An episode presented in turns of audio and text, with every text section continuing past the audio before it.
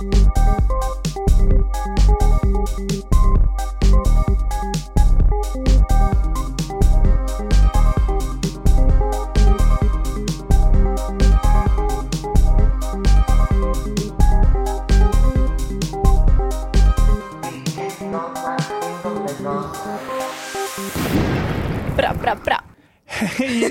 Välkomna till Vilken dag är din domedag? En podcast om kapitalismen i antropocen med mig Jonas Algers från Manifest Tankesmie och Meg, Hege Skarru fra Attack Norge.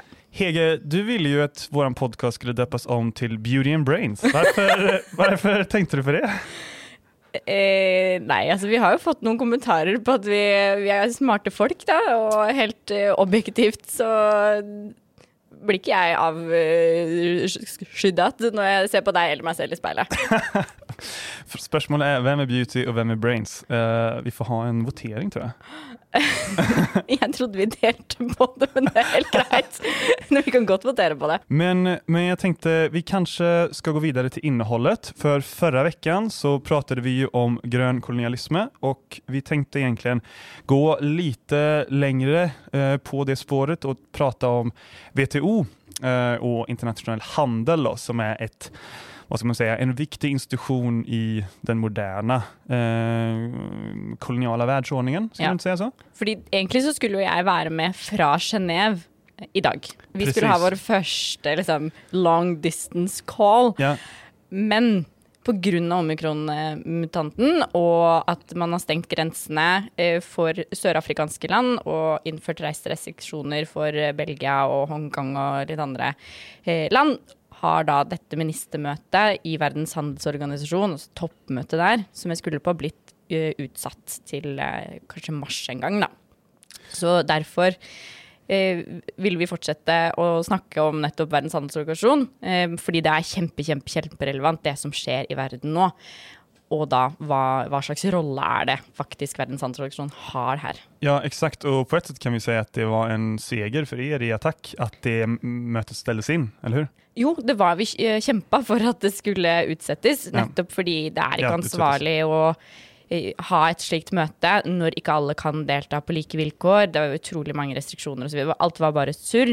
Men samtidig så er det ingenting å faktisk feire, fordi, fordi det som stoppa dette, er mutantviruset og viruset, og at vi ikke har klar, eller, klart å stoppe pandemien.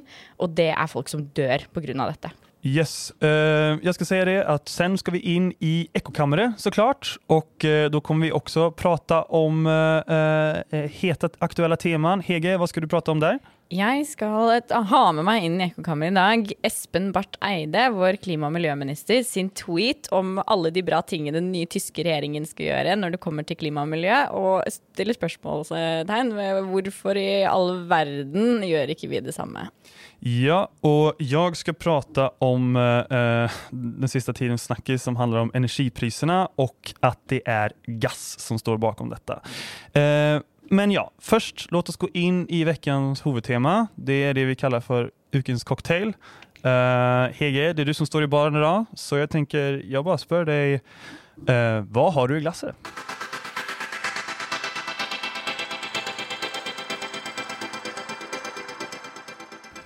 Velkommen til baren. I glasset i dag har jeg WTO sitt ministermøte som aldri skjedde, og hva i all verden var det som lå på bordet og sto på agendaen? Ok, men da tenker jeg first things first. Hva er WTO? WTO er eh, verdens handelsorganisasjon. Det er en, eh, en handelsavtale, men som også er en, en organisasjon. Det er ikke bare et papir, som eh, har 164 medlemsland. Det er den største handelsavtalen verden har, og det er en frihandelsavtale. Og det som WTO på en måte har som sitt formål, er at det skal være et forum hvor man skal diskutere og bestemme handelsliberaliserende tiltak. Man skal løse handelstvister, altså uenigheter, sånn som USA og Kina. Man vet at der har det vært ganske mye eh, diskusjoner og toller som har gått opp og sanksjoner opp og ned. Det er sånne ting man skal løse der.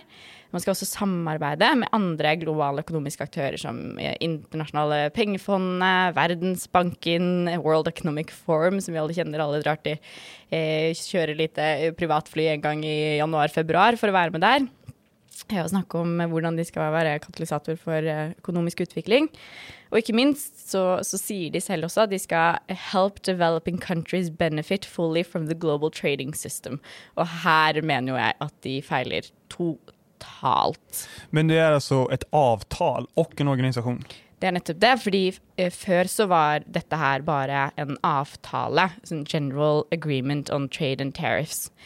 Um, så eh, nå er det blitt mye mer. Nå er det blitt en institusjon hvor man har den norske ha, eh, ambassadøren til WTO f.eks. sitter i Genéve, der som Genéve har hovedkontor hele tiden, og man diskuterer kontinuerlig hvordan er det vi skal forholde oss til disse tingene, eller OK, nå, nå ser vi at eh, teknologigigantene eller den digitale økonomien kommer på denne måten ganske stort, vi må ha noen reguleringer her, hvordan skal vi gjøre dette?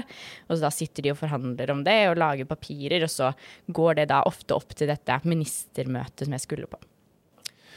Ok, men eh, om jeg har forstått det rett, så er du ikke minister i Norge. Eh, så Unnskyld meg, hva? Hvorfor skulle du med på ministermøtet i, eh, i WTO? Ja, det kan man jo lure litt på. Verken driver med industri eller annen næringslivsaktivitet. Men det er som er at handel handler om så veldig mye mer enn bare handel, ikke sant. Det handler også om menneskerettigheter, det handler om miljø, det handler om hva slags tiltak er det man kan gjøre på lokalt nivå, det handler om arbeidstakerrettigheter, det handler om fordeling av goder i samfunnet. For det er jo det man bygger handelen på. er liksom OK, her skal vi ha denne industrien eller denne utviklingen av dette, eller vi skal ha disse tjenestene her. Det har noe å si for samfunnet. Det er på en måte det du og jeg snakker om nesten hver eneste gang her. Mm, ja. Og det er her sånn, i WTO så legges veldig mye av rammene for nettopp dette.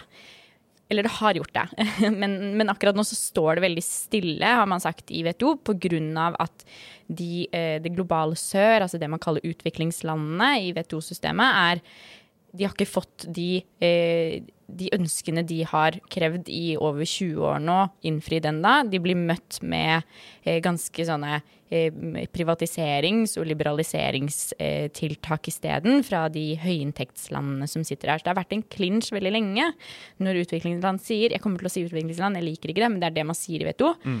Eh, når de sier at vi ønsker å ha matsikkerhet, eh, og da kunne ha politisk handlingsrom til å innføre den matsikkerheten gjennom matlagre, eller hva enn det er.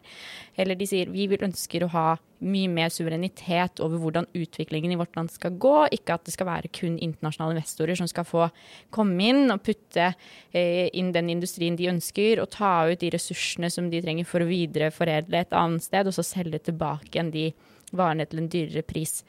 Ikke sant? Ja, uh, jeg tenker bare også um, om du kan forklare varför, varför alltså Du er jo leder for Attack Norge, liksom. varför, varför, var, varför var du invitert der, liksom? Jeg var vel ikke invitert, jeg inviterte meg sjøl, på en måte. Men vi er en internasjonal okay. solidaritetsbevegelse i Attack. Og det handler om solidaritet. Det handler om hvordan er det vi skal demokratisere økonomien. Fordi dette her, WTO-systemet, er en av de største aktørene som eh, som institusjonaliserer den globale økonomien som vi ser, som du og jeg kaller da, eh, og eh, anser som kapitalisme. ikke sant? Ja. Eh, og skal vi noen gang klare å demokratisere økonomien, så må det også skje gjennom at vi eh, breie skuldre og, eh, og breie albuer, spissalbuer, inn i sånne der forum også. Og da møter vi veldig mange andre sivilsamfunnsaktører fra hele verden som jobber for de felles målene. Okay. Men uh, som jeg forstår det rett, da, så handler det om at dere åker dit sammen med masse sivilsamfunnsorganisasjoner og er utenfor og pusher på og liksom gjør den greien da, og møter andre sivilorganisasjoner fra andre land. Er det riktig? Ja, det gjør vi, men, okay. men, også så var jeg en del av den offentlige eh, delegasjonen til Norge. Um, Eh, som sivilsamfunnsrepresentant uh, i Norge. Da. Så jeg skulle representere hele det norske sivilsamfunnet uh, inn i delegasjonen. Da er det en delegasjon der de som sitter og forhandler i en stor grad. Da. Det er der forhandlerne sitter. For å også pushe på på policy-delen, altså politikk- og tiltaksdelen. Hva er det vi kan gjøre, og hva kan vi ikke gjøre? Og da tar jeg med da fra det internasjonale sivilsamfunnet, om det er fra øystater i Stillehavet eller om det er fra eh, bønder i India, så tar jeg det med inn og sier at dette her går ikke, fordi det kommer til å gå på eh, kompromiss med de behovene disse her folkegruppene har. Ja, Vi skal jo snakke litt mer om, om det her senere, hvorfor egentlig det her med vaksin er eh, og, og, og um, WTO och handlingsreglerna är eh, relevant för den ekologiska krisen. Eh, men jag tänker, man har ju kallat det för um, man har ju kallat det här eh, relationen att rika länder har massa vaccin och fattiga länder inte har det för eh, vaccinapartheid, eh, har jag sett dig kalla det. Och kan inte du bara förklara lite, vad, vad menar du med det? Um, det jeg mener med det, er dette her er kolonialisme på høyt nivå, og det er egentlig rett og slett rasistisk også. Det vi har gjort i utviklingen av disse vaksinene, er at vi har gått til Sør-Afrika f.eks. og testa ut vaksiner der. Um, og så har man i ettertid uh, hamstra vaksiner i rike land, sånn at ikke de fattige landene får tilgang på dem fordi det presser prisen opp. ikke sant? Så, eh, og så nå ser vi det igjen med dette omikron-viruset, eh, at det var bestengt grenser for sørafrikanske land. Stengt. Ned. Ferdig. Mens for Belgia for eksempel, så er det bare innreiserestriksjoner. Det er også veldig rasistisk, fordi det, de der eh, travel-bandsene har eh, det kommer bare plutselig. ikke sant? Da er det Sør-Afrika. De har veldig mye mer, de har godt utarbeida testing eh, i, i Sør-Afrika, så da fant de det der. Men det er ikke nødvendigvis at det er der det kom fra eller, Men man bare Det virker eh, det, det, Og det har mange av de sørafrikanske representantene sagt, at dette her er kjemperasistisk. Nå bare stenger man ned for oss, men ikke for andre. Ja, jeg så også det at man EU stengte jo grensen ikke bare for sør, altså landet Sør-Afrika, utan flera land i mm. alltså, sörliga Afrika, säger man väl. Mm. Um, och, och, det är utan att det har varit påvisat den här omikronvarianten finns i de landen.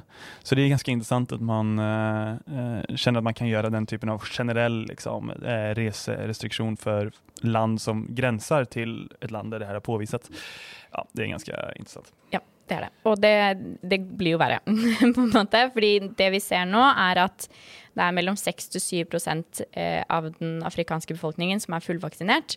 74% av alle vaksiner som settes, settes i høyinntektsland. Altså høyinntektsland er Norge, det er USA, det er eh, Frankrike osv. Um, og uh, vi i høyinntektslandet har, vi har skaffa oss sånn 7 milliarder doser med vaksiner. Og samtidig i England så var det en fadese for noen måneder siden hvor de kasta hundretusenvis av doser fordi de ikke fikk brukt de opp. ikke sant? Um, og, og, det her er politisk i en mye større grad enn at det bare er markedet som styrer det bort eller hit eller dit. Det her blokkeres i Verdens handelsorganisasjon. Mm. Uh, ok, så hvordan er det Verdenshandelsorganisasjonen blokkerer uh, det, da? Det låter litt flummig. Ja, det kan du si. Eh, Norge vil jo ikke si at de blokkerer det, um, men, men, vi mener at man blokkerer når man uh, hvis man, ganger, hvis man skal stemme i et valg, f.eks. Så hvis man eh, stemmer for et parti eller for et annet parti, eh, så stemmer man positivt. Men hvis man stemmer avholdent, og man ikke er så mange som gjør det, men man egentlig vil ha denne her endringen, men hvis man ikke stemmer, så kan det hende det går til den andre, hvis det er mening. Fordi eh, eh det er det samme hvis man er, kan godt liksom landsmøter og er et organisasjonsmenneske. Stemmer man avholdende, så stemmer man på en måte eh, noen ganger i favør av noe man egentlig ikke vil. Og det er litt det Norge driver med nå. De har sittet og vært veldig avholdende hele tiden.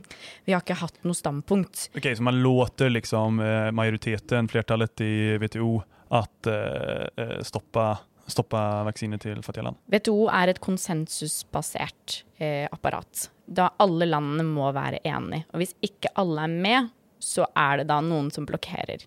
Og det har skjedd nå. Sør-Afrika og eh, India de la et forslag på bordet i oktober 2020, altså for 13, 14 måneder siden, om at OK, vi trenger et unntak på eh, den, det som heter TRIPS-avtalen. Om to sekunder så skal jeg også forklare det. Nå har to sekunder gått, men jeg kommer tilbake til det. Eh, og det, eh, der, det, det, den, det forslaget, det har Norge ikke støtta, og det har ikke USA støtta, det har ikke EU støtta, det har ikke Storbritannia støtta, det har ikke Canada støtta. Eh, det var mange land som har kommet til litt sånn etter hvert, men nå har det en støtte fra over 100 land. Så det er en majoritet av de 164 landene som er i WTO, som støtter dette forslaget, ikke sant. Og det forslaget går ut på Jeg skal prøve å forklare det så godt jeg bare kan. Jeg eh, syns det er veldig vanskelig å liksom Jeg har alltid hørt om TRIPS-avtalen, jeg har jobba med handel i mange år. Og jeg syns det er så jeg, bare, jeg, skjønner det ikke, for det er så mange artikkel ditt, datt og B og C. Men, men jeg skal jeg, jeg forklare det. Så dette unntaket som Sør-Afrika og India har lagt på bordet, det er et unntak på immateriale rettigheter som er midlertidig på vaksiner, eh, legemidler og medisinsk utstyr. Og det, det, er immaterielle rettigheter, det er patenter som man kaller det, eller? Det er, patenter er en del av det. Mm. Men det er også sånn fortrolige hemmeligheter til uh, selskaper eller um, kliniske tester og sånne ting. Mm. Um, så, så, det, som, det, det, unntaket de ønsker, er fra den TRIPS-avtalen, og det er nettopp avtalen om disse immaterielle rettighetene. ikke sant? Og det er kjempeviktig å få til for at man kan lage kopivaksiner, man kan lage kopi Eh, av type utstyret som trengs osv. Og, og Norge har nå på fredag gikk ut og sa at de støtter et unntak på vaksinepatenter. Og det er kjempebra. Det er et veldig viktig steg i riktig retning. USA har tidligere sagt at de støtter et unntak på eh, vaksineimmaterielle rettigheter. det er en forskjell her, ikke sant? fordi immaterielle rettigheter går bredere. Mm. Det er mer som ligger inni der enn bare patentene. Men dette er fortsatt ikke godt nok. Um, fordi det det egentlig betyr da, er noe sånt som f.eks. det som skjedde i Nord-Italia i starten av pandemien. Uh, da hadde man Man har jo man måtte legge mange mennesker i respirator, som vi husker, i Italia. Det var ganske uh, forferdelige uh, bilder som ble sendt derfra på, på nyheter. Og de respiratorene de begynte å gå tom for en sånn ventilator mm. på respiratorene. Og det selskapet som da lager de eh, respiratorene, disse ventilene, de klarte ikke å produsere fort nok. De hadde ikke kapasiteten til å produsere fort nok. Og da var det noen gründere som hadde en 3D-printer. Det var sånn, ah, det går fint, vi kan jo bare printe det. Og da sa selskapet nei, fordi det var de som eide rettighetene på den. ikke sant? Ja. Derfor må dette her være på mer enn bare vaksiner, og det må være mer enn bare patenter også. Fordi eh, man må vite hva, okay, hva, hva, slags tester er det som har blitt gjort her for å skape den kopimedisinen også. Ok, um, ja det er jævlig interessant det der med just um, at, det er et veldig godt eksempel på at uh, det her med koronakrisen coronakrisen handlar om så mye mer enn bare vaksine og, og, patenter. Uh, og, og, Det er et veldig godt bild på det man kan si liksom at produksjonen av nødvendige produkter begrenses av um, de här immateriella rättigheterna. Då. Vilket gör att, uh, att vi faktiskt inte gör det som vi, vi gjør ikke alt vi kan for å stoppe korona. Nei, og, det, och, det er, och dette er et midlertidig unntak man ønsker på covid-relaterte ting. Ikke sant? Så det er ikke, det er ikke en sånn frislipp av alt. Og i tillegg så er det sånn at AstraZeneca-vaksinen den er 97 finansiert fra det offentlige. Um, det, så, og dette her er sånn, og medisiner og disse her tingene, det er jo uh, Dette er et offentlig gode. Mm. Ikke sant? Han som oppfant um, poliovaksinen, sa jo at 'ville du patentert Sola?' og det ville du jo ikke gjort. Og det, og det, er sånn, ok, hva, Polio det kjenner vi ikke så veldig godt til nå, og det er nettopp pga. noe av det her at det ble gitt. Han ga den patenten. Han ga liksom alle de materiellrettene. Bruk det. Dette her er et offentlig gode, det her vil jeg at vi skal bruke ut. Ja. Um, og det her er helt tydelig noe som gjør at man har blokkert muligheten til å drive en god pandemihåndtering nå. Og derfor ser vi også denne mutasjonen, fordi realiteten er da vaksinasjonen i afrikanske land eller latinamerikanske land går utrolig sakte. Vi får mutasjoner igjen og igjen, og så sitter vi her, og nå skal alle eh, ned til 18 ta tredje vaksinedose på nyåret i Norge. Ja, og jeg tenker vi zoomer ut litt og ser hva det, som, vad det som händer här. För vi har jo et veldig komplext samhälle som er veldig globaliserat. Med, eh, vi reser og så og når de her när sådana här uh, mutationer uppstår och nya, nya virus uppstår, det är något som hotar hela samhället och, och då måste vi kunna skydda oss och det är det som vaccinen gör. Men det vi har gjort, det är att vi har outsourcat detta ansvaret och kapaciteten till det till kommersiella aktörer som, som vill som vill tjäna pengar. Och det kan på ett sätt finnas goda grunder till att ha flera aktörer som konkurrerar med varandra på en marknad. För att de i konkurrens med hverandre så måste de eh, se till att produkterna utvecklas och blir bättre och att de liksom får kontrakten och så vidare. Men problemet med eh, när man har en marknadsstyrd eh, farmaindustri eh, så är ju syftet för de sällskapen inte längre att producera en produkt som är nyttig och som behövs utan att skapa vinst till sina ägare. Och, och Det betyder ju att de här sällskapen beter sig på ett annat sätt. Och jag, det finns en väldigt intressant artikel som min vän Rosie Collington har skrivit, shoutout till henne, eh, som handlar om insulinbranschen. Där man har just sett då att insulinsällskapen, de stora, det är framförallt Novo Nordisk, de eh, reducerar faktiskt sina... De har tjänat väldigt mycket pengar de senaste tio åren, men de har faktiskt använt mindre och mindre andel av de intäkterna till att investera i forskning och utveckling och mer och mer till det som kallas för aktietillbakaköp, det vill säga att köpa tillbaka sina aktier och på det sättet eh, öka värdet på de kvarvarande aktierna. Alltså det är ganska komplicerat men det handlar egentligen om att dela ut mer vinst till sina ägare.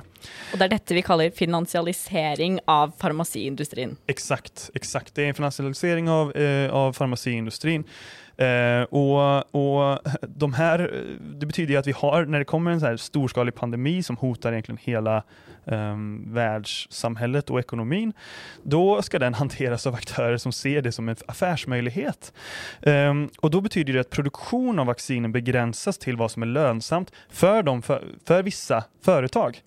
Uh, de företag som äger de här uh, immateriella rättigheterna. Då. Uh, och Det betyder ju att det finns produktionsfaciliteter. Det finns till exempel i Indien, jag läste en väldigt intressant artikel om det, det finns flera uh, fabriker där som har kapaciteten, de har kompetensen, de har uh, ja, den tekniska um, teknologin för att kunna producera vaccin, men de får inte göra det för att då är det ett brott med de här eh, immateriella rättigheterna. Så, så ja, som sagt, vi, stoppar in, eller vi, vi, vi gör inte allt vi kan för att stoppa det här vaccinet, tvärtom, utan vi vi, vi begränsar vad vi gör för att stoppa vaccinet till vad som är lönsamt för vissa, vissa sällskap. Akkurat det, og vi løper da legemiddelindustrien sitt ærend istedenfor i dette her. ikke sant? Nå sitter eh, Pfizer og BioNTech og Moderna og tjener 1000 dollar i sekundet på eh, disse vaksinene.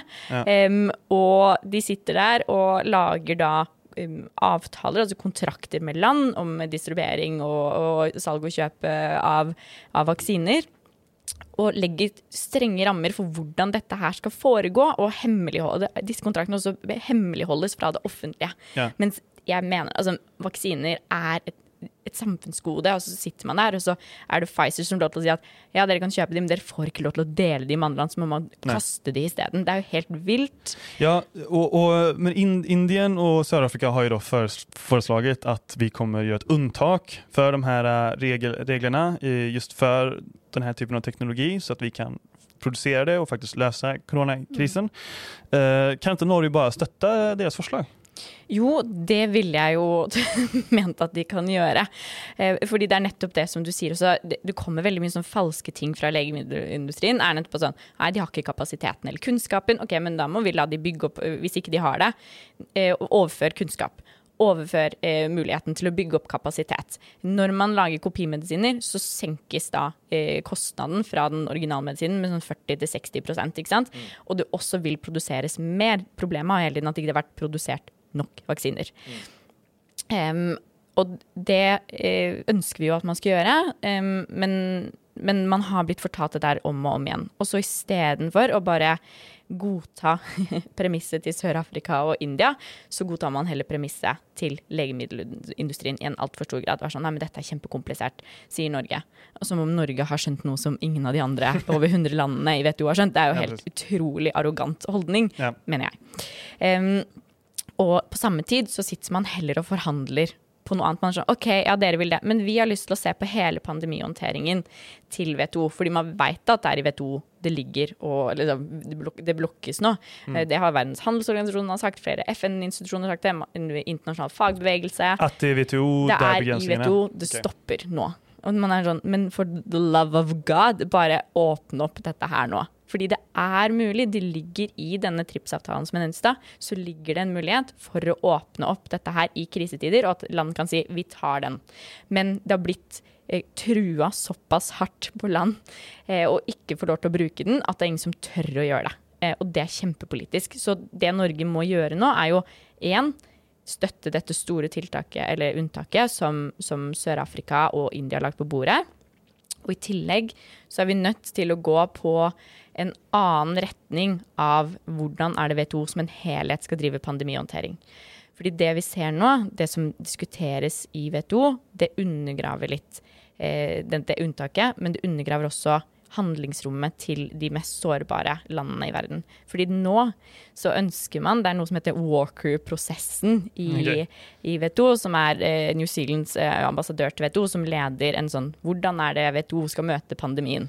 Alltså, varje gång vi snackar handelspolitik så, det, känner jag mig verkligen som en liten, liten, liten mygga. Alltså som är verkligen helt obetydlig för det är så jäkla många så här, begrepp och liksom, eh, förkortningar och grejer och det känns otroligt komplicerat. Men ja, fortsätt. Hva, det er veldig komplisert og det er veldig mye som skjer samtidig som det ikke skjer så veldig mye. Men det er derfor det her er så viktig att, å snakke om også, fordi det her har så mye å si for hvordan verden og samfunnet utvikles. Ja.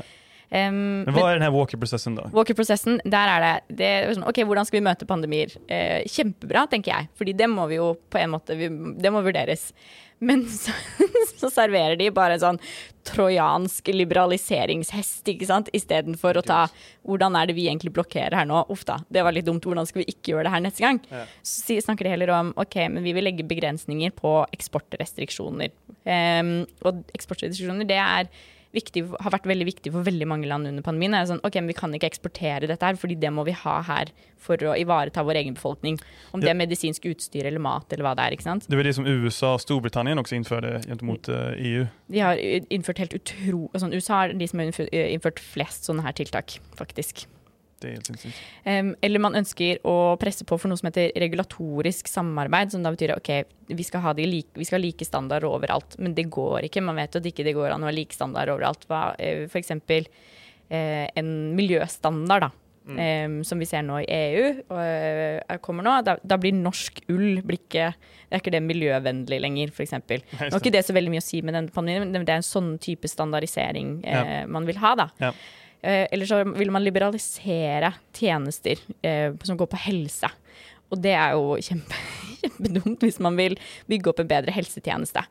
Og i det samme så, eh, så lager man langt mer åpne systemer for storselskaper. og da betyr det at sånn, storselskapene, åpenhet i disse prosessene, det betyr at Pfizer og Moderna og AstraZeneca og hele denne gjengen får enda mer makt inn i neste pandemihåndtering, ikke sant? Eller denne her, som er den totale. Og man bare undergraver og Det sier ingenting om dette TRIPS-unntaket. Man undergraver de ønskene som, som en del av utviklingslandene har lagt på bordet. Det må være matsikkerhet, vi må ha matvarelagre, vi må ha, eh, bli ferdig med de temaene som vi har diskutert i over 20 år nå. At vi vil ha, vi vil handlingsrom for å ivareta matsikkerhet. Vi vil ha handlingsrom for å ivareta helse til våre, eh, vår befolkning. Det undergraves i en altfor stor grad her fra de rike landene. Og det er helt feil måte å gå inn i denne her pandemihåndteringsdiskusjonen på. Fordi vi må faktisk snakke om ok, hvorfor blokkes det? Hva skal vi gjøre for å ikke blokkere det videre? Det er Norge nødt til å ta eh, seriøst. Og det opplever jeg at man ikke gjør nå, når man legger dette her på bordet. Ja, jeg tycker det her er et veldig bra eksempel på, eller bra ingång i varför vi, varför vi prater om det her i podcasten som handler om kapitalism i antropocen. För att eh, corona är ju en ekologisk kris med grund i en ekonomi baserad på profitmaximering oavsett de ekologiska konsekvenserna. Uh, och uh, man, man liksom, Det vi har snackat om nu det handlar ju om hur kapitalismen och egentligen det, det nykoloniala uh, globala systemet begränsar vår handlingskraft för att hantera coronakrisen. Men det, det, är ju också på ett annat sätt som, som kapitalismen har liksom, eh, möjliggjort coronakrisen. Och det har att göra med eh, sättet vi, vi lever i relation till naturen. Eh, de allra flesta pandemier och epidemier de senaste decennierna har haft sin grund i en intensiv matproduktion eh, driven av en önskan att pressa ut maximal output från djur och miljö. Och det är också corona. corona coronaviruset är, är, vad som kallas för en zoonos, som är en infektion som, eller sjukdom som går mellan människor och djur. Man tror ju att det är en fladdermus, Flagg, flaggermus sier man på, på norsk, eller hur? Fladdermus er ve- veldig mye søtere, syns jeg. Ja, men jeg, alltid når jeg sier flaggermus så tenker jeg at det er så här, var det autocorrect liksom? Det, här, det, det ser jävligt weird ut. Så jag kommer bara köra fladdermus. I alla fall, ehm, man tror att det var en fladdermus som såldes på en marknad som satte igång pandemin och, eh, eh, och i Kina. Och eh, fladdermusens habitat har ju blivit mindre och mindre och pressat, de här djurpopulationerna har pressats av en allt mer intensiv skogsskövling. Men corona är ju inte den första, man kan, du kanske minns svininfluensan? Mm. Jag vet inte, Mm. vaccinerade, vaccinerades du för svininfluensan? Eh, nei, det tror jeg ikke. Jeg tror jeg var så ung at man ikke trengte det. Jeg husker Ja. jeg fikk i hvert fall ikke den. I Sverige var det jo hele landet som ble vaksinert, så jeg fikk vaksinasjon mot svininfluensan. Um, det har også vært fågelinfluensa. Det Still going strong, den der, altså. still going strong. Uh, vi har også galna kosjuken. om, om, om du minns den. Ja, det, ja, den, den titter opp en gang iblant ennå. Og til og och med HIV da, er jo en zoonos som har spilt over da, från, til människor fra djurriket. Ehm, alla de här um, um, sjukdomarna eller infektionerna har, varit, har ju varit extremt kostsamma. Man har satt in en mängd åtgärder. Man har också slaktat massa, massa djur och vaccinerat befolkningen för att begränsa spridningen av de här virusen. Och allihopa har ju kommit från ja, att man har eh, pressat djurpopulationer så att de inte kan ut, leva ut sitt naturliga beteende och har en väldigt frekvent, eh, ofta har kontakt med människor vilket ökar risken då för den här typen av eh, zoonotic spillover som man säger på engelska. Alltså vad? Överspill? Nej. Nei. Nei. Jeg, tror, jeg tror man skjønner spillover. Ja, men jeg syns det var eh, A for effort å oversette fra engelsk til eh, svensk til tilbake til norsk. Jajamän, eh, vi, vi, jag, jeg, er mitt beste. Ja. um, men, men ja, så derfor, derfor är det här, det här handlar om att vi lägger ett väldigt stort press på naturen, vi lägger ett väldigt stort press på djurriket, vi har en väldigt intensiv relation till vår naturliga miljö och därför är corona, precis som de andra eh, eh, eh, virusexplosionerna, en ekologisk kris. Så därför är ju corona då ett exempel, precis, precis som, som du snackade om, på att eh, kapitalismen gör det, eh, angriper oss från två håll kan man säga. Eh, ja, men, för, från ena hållet så handlar det om att kapitalismen utlöser en ekologisk kris. Eh, det här viruset sätts igång av att vi pressar ekosystemen. Och åt andra hållet så begränsar kapitalismen, eh, de regler som finns inom kapitalismen, våra möjligheter för att hantera eh, krisen. Så, eh, ja, så det tycker jag är en viktig poäng att eh, komma ihåg och ha med sig här. Mm. Och, men jag tänker lite på, vad, vad, nu när man känner sig som en liten, liten mygga liksom, och herregud, det finns alla de här reglerna och de här begränsningarna för, för vad vi får göra och vi, vi, vi, det verkar inte finnas någon större vilja om mot att ändra dem. Eh, men om det fanns det då, vad, vad, vad, eller vad, vad, skulle krävas för att göra oss mer kapabla att hantera de här riskerna och liksom släppa produktionen fri från kapitalismens begränsningar? Handel er det som gjør Jonas like deprimert som jeg blir Ja, over mitt eget kjærlighetsliv. Det säger något fan alltså. Så jeg skal prøve å eh, løfte oss opp igjen ut av grøfta her nå. Um, Ja. Se etter det är möjligt. for å ta oss litt ned i grøfta igjen først, så tenker jeg hvis ikke man klarer å finne en løsning i WTO nå på, eh, på dette her, eh, denne vaksinefordelinga, så skjønner jeg ikke hva WTO skal gjøre videre.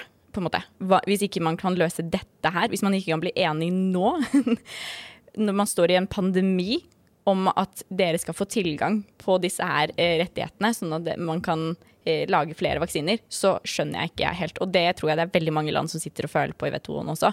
Det kan bli ganske krise, for da vil vi få enda flere eh, det vi kaller bilaterale avtaler, altså mellom to land, eller regionale avtaler mellom flere land. Og de avtalene der, de går ofte lenger, de er mer liberaliserende og privatiserende enn det som allerede ligger i WTO. Så, så WTOs legitimitet eh, trues av dette. Om ikke den var trua fra før av, så er den enda mer trua nå. Okej, Mm. Men jeg skal prøve å eh, komme med noen gode eh, tips til, eh, til veien videre. Så jeg håper Anniken Huitfeldt eh, hører på oss, som er utenriksminister og da har ansvar for eh, WTO. Um, det gjør hun sikkert. Det gjør hun helt sikkert. Jo, vet du hva, jeg skal sende henne denne episoden. WTO de må nå støtte TRIPS-unntaket, først og fremst. Og så skal Norge istedenfor å løpe legemiddelselskapenes ærend, og de rike landene som truer andre land, så skal Norge stå på krava og true de landene som truer andre. At nå må man bare si dere kan ikke true andre til å ikke bruke de reglene som allerede ligger her. At man ikke kan gå og si 'jeg skal lage kopivaksiner av dette her'. Det kan ikke Norge drive. Eh, må, det må vi jobbe for at skal være mulig. fordi når vi da, sånn som du så veldig fint skisserte ut nå, kommer i en ny pandemi, hvis vi skal ha den samme greia exact. hver eneste gang, så da er vi i det man kan si på godt norsk deep shit. Ja. Um, og eh, land, noen land ønsker nå fordi det har stått stille så lenge i WTO. Man har ikke kommet fram til noen særlige avtaler de siste 20 åra. Så, så, funker ikke det her multilaterale, altså at alle landene eh, forhandler sammen, og at det er et eh, konsensusbasert prinsipp. Det er sånn på at alle avtaler som gjøres, skal alle være enig i. Så nå vil noen gå over til plurilaterale. Plurilaterale betyr at det er mange, eh, men ikke alle, som forhandler. Eh, og det driver man med nå. Så man vil heller at sånn, ok, men da, da, kan dere da som er venner her sånn, dere kan forhandle om dette, eller dere har de like interessene, og så blir dette en avtale, og så presser man flere land inn etterpå. Så man institusjonaliserer da igjen de rike, de som har muligheten til å være med i disse forhandlingene, eh, sine eh, ønsker og interesser nok en gang. Nå har man f.eks. blitt enig om en avtale på noe som heter innenlandske reguleringer på tjenester. Tjenester er alt du eh, ikke kan slippe på foten. Vi har helsetjenester, skoletjenester, sånne ting. ikke sant? Um, og innenlandske reguleringer er nettopp hvilke nasjonale reguleringer er det man har på disse tingene. Hvilke standarder er det man skal ha på tjenester, og hvilke krav skal man stille til tjenesteytere, f.eks.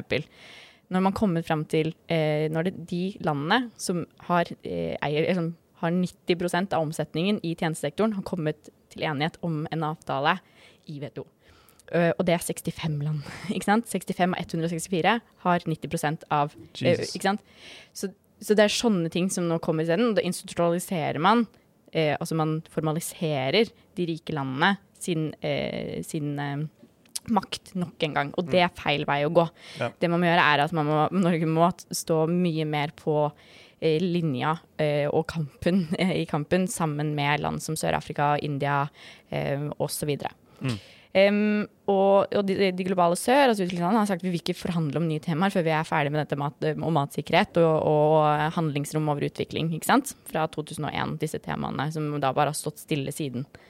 Uh, og det man da må man si, ok, men da skal vi forhandle om det på deres vilkår. Vi skal ikke lage egne vilkår om at vi skal ha liberalisering og markedsadgang for våre varer.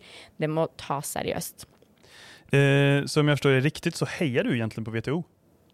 Ja, og det er ganske sjukt. ja. Eh, fordi det går så eh, Vi jobber jo også i Attack med, med, alle disse eh, andre avtalene som kommer som et resultat av at det har stått stille. ikke sant? Ja. Og de popper opp som kolera, og de går så mye lenger, og det er veldig veldig vanskelig å regulere. Og de blir enda mer innskrenkende, for det er sånn OK, men dette her landet har vi interesse med, ja, dette har vi landet Så, så da låser man andre ute hele mm. tiden. Um, så, så, jeg er enig i at man trenger et multilateralt uh, organ for dette, men da er det hvilke premisser er det som ligger til grunn. Og det er det som vi må snakke om nå. Vi mm. må si at OK, de WTO-reglene man har, skal ikke undergrave muligheten land har for å gjennomføre nødvendige tiltak for å håndtere eh, klima- og naturkrise, sikre rettigheten eh, til arbeidere, eh, eller å ha, sikre matsuverenitet, at man kan innføre en demokratisk forankra ressursforvaltning, at man har tilgang på livsnødvendige medisiner og utstyr. Altså, sånne ja. ting det kan ikke WTO gå på akkord med, og nå gjør det det fordi WTO eh, kan man saksøke land i, ikke sant? Ja. Det kan man ikke i Parisavtalen. Nei. Parisavtalen er frivillig. Så Parisavtalen må ligge over der. Den må være sterkere enn hva ja. WTO er. Ja. Så kan man ikke fortsette å legge inn mer og mer ting i WTO, sånn som man gjør nå. Nå skal man, skal man forhandle om noe som heter miljøvarer. Hva er en miljøvare? Det skal nå WTO definere. Er det riktig? at klima- og naturkrisa skal løses av et organ som egentlig bare vil ha mer handel, når handel til enhver tid presser ned eh, priser. Og når man presser ned priser, så presser man også miljø og mennesker. Ja de tingene som er veldig viktige, at man må ta de prinsipielle diskusjonene. Ikke bare en sånn vi skal forhandle på, på plurilateralt og ikke multilateralt, eller hva skal vi gjøre med tvisteløsningsskalaen? Okay, hvilken rolle er det egentlig WTO spiller? Har den utspilt sin rolle? Har den egentlig bare forverra krisene? Hvordan i all verden er det vi skal rigge et handelssystem som ikke ser handel som et mål i seg selv, men som et middel for bærekraftig og rettferdig utvikling? Fett. Det syntes jeg var en veldig bra oppsummering. Ja, fett. Ok, Men eh, skal vi legge den der og gå videre til neste segment? Det tror jeg vi gjør. Nå tror jeg du trenger å løftes opp litt med litt eh, gøy ekkokammer. Yes, jeg tycker vi går rett inn i ekkokammeret. Um, Hege, det... Nå er Jonas veldig lei av å høre på meg snakke om handel. Nei, men jeg syns bare det er det er, det er mye, det er, ja, det er eh, litt vanskelig og, og utfordrende, men det er bra uh, at, at, folk som du har koll på det. Så at vi, ja, folk som meg ikke behøver det. Okay. Jeg gjør mitt beste. Ok, Hege, jeg tenker vi går inn i ekkokammeret, uh, og jeg tenker at du skal få begynne. Du snakker om Espen Barth Eide. Hva har du tatt med deg? Ja, uh, Espen Barth Eide sendte ut en liten tweet forrige uke om alt bra som skjer på miljøet i Tyskland. Han skriver dette er en god oversikt over plattformen til den nye tyske regjeringen. Parismålene har øverste prioritet. Kull skal fase ut raskere, helst innen 2030. Fornybar energi skal bygges ut i høyt tempo. 1,5-gradersbanen den skal holdes. Alle sektorer skal levere på klimamålene. Fint. Kjempefint! Og, så, og det fikk han jo ganske mye liksom, harselering om på Twitter. For det var sånn ja, skulle ikke ha innført noe av de her premissene i Norge, kanskje? For det har jo vært ganske harde statsbudsjettforhandlinger nå i det siste, hvor det ikke har sett ut at det går så veldig bra. Eh, det som eh, Arbeiderpartiet og Senterpartiet la fram alene, var jo ganske dårlig. Og da var det sånn dette er et dårligere miljøbudsjett enn hva Solberg-regjeringen leverte. Um, så nå har jo SV vært inne og kjempa med nebb og klør og fått inn ganske mye bedre, men, men jeg, Espen Barth Eide, det er jeg, noen ganger så virker du som en heiagutt uten noe substans. At du er bare sånn 'Dette er kjempebra, dette er kjempebra, dette er kjempebra', og så kommer dagen, og du leverer ikke. Så jeg håper på at uh, neste gang så trenger du ikke at SV og Rødt står på utsida og eh, banker inn noe vett i et statsbudsjett, men at dette her er faktisk noe som du kan jobbe for å levere i regjering videre. Ja, du, eh, du sitter i regjeringen. Vi heier på deg, egentlig. Uh, just do it. Uh, ja. Som Nike sier. Just do it. Precis. Jeg håper, jeg håper på noe spons etter hvert. Altså. Ja, ja, det er derfor vi gjør dette. Vi Egentlig så kritiserer vi kapitalismen bare for å kunne tjene på den. ja, exakt. De bare Uh, keep your friends close but your enemies closer, og så får vi masse merch. Ja, men jeg så det også på de her gula vestene, så så jeg en sånn spraymåling uh, uh, på veggen der det stod 'Vi behøver dere cash' mens vi venter på kommunismen. Det er faktisk eh, bakgrunnsbildet ditt på eh, iPhonen din, er det ikke det, Jonas? Jo, det er det. Og om du vil kjøpe en iPhone, så kan jeg Nei, jeg skal. Ja, nei, men det jeg skal ta med meg inn i ekkokammeret, det er en, eh, en Twitter-tråd som fikk veldig stor spredning av Andreas uh, Thon Aasheim, tror jeg han heter, som handler om energiprisene. Og det er veldig interessant og uh, en veldig god poeng. For det han pekar på där det är att vi har de här väldigt höga energipriserna. De måste hanteras både på kort och på lång sikt. Och på kort sikt behöver man ha tilltag för att de som inte har, de har dålig råd, de får en stötte för att klara av detta. Men långsiktigt handlar det om långsiktiga äh, äh, satsningar och det är någonting annat och det handlar om att bygga ut mer förnybar energi. Och det här handlar egentligen om eh, vår avhängighet på gas. Det är det som är fundamentet bakom detta. Och jag läste en otroligt intressant eh, eh artikel av detta av eh, Adam Tooze som handlar om eh, vilken roll gas har för vad ska man säga, eh, klimatpolitiken de senaste sex åren. Uh, och det, för fram, I början på 10-talet om man ska säga så blev gas väldigt, väldigt billigt. USA satsade väldigt mycket på fracking, man byggde ut det. Och det har liksom lagt en bakgrund då för uh, det politiska ögonblicket vi är i. Och Paris, han menar också att Parisavtalen var möjlig på grund av detta för att plötsligt eh, man väldigt billigt då, eh, reducera sina utsläpp genom att satsa på gas.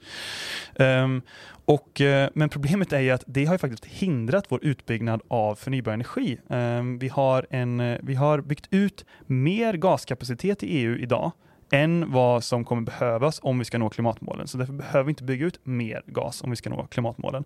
Eh, tvärtom så har investeringarna i förnybar energi legat på global nivå legat eh, platt sedan 2015. De har inte ökat, man har inte ökat sina investeringar i förnybar energi eh, just för att gas har blivit så billigt. Då. Enda anledningen att utbyggnaden av förnybar energi har fortsatt växa det är för att förnybar energi har haft fallande priser. Eh, och Det här har ju låst in oss i ett stort gasberoende. Man har sagt att det är billigt, det är för dyrt med omställ alltså att satsa på förnybara energiresurser. Eh, vi måste satsa på, eh, vi måste tillåta gas som en slags övergångsenergikälla. Eh, men nu ser vi då, det var inte så billigt utan tvärtom så ökade vi vårt beroende på eh, tortyrregimer som, som framför allt Ryssland och eh, och eh, eh OPEC-staterna. Så därför, enda sättet att komma fram ur denna avhängighet av, av eh, auktoritära regimer och faktiskt ö, eh, reducera priserna, det handlar om att bygga ut förnybar energi. Uh, ja, och det tycker jag är någonting vi snackar om för lite. Um, och det är kul att se att det får lite mer spridning nu det senaste, nu när vi har den här krisen. En, liten, en liten shot fra deg her, ja. egentlig. Nå, det var veldig fint. Ikke en hel cocktail, en liten shot. En liten toer med Fernet, var dette? Ja, en liten ja. toer med Fernet. En sånn ingefærshot, kanskje, for at det var litt sånn Rasputin? Ja, litt mer nykterist. Nei, Ratsputt. Ja, ja mm. sant. Mm. Men eh, ja, better late than never tenker jeg. Endelig et uppvaknande at gas ikke går hele veien. Ja, og, og, ikke tro at vi ikke skulle ha noe take på strømkrisa her i Hvilken dag er din dommedag? Den, den skulle Den behøvde bare mogne litt. Ja. Måtte ja. bare ligge der og godgöra seg litt. Fermentere litt. Mm. Skal vi lämna den der? Jeg tror det. Tack, for i dag. Takk for i dag. Takk for at ni lyssnade. Vi høres igjen neste vecka og da skal vi prate om noe helt annet. Ja.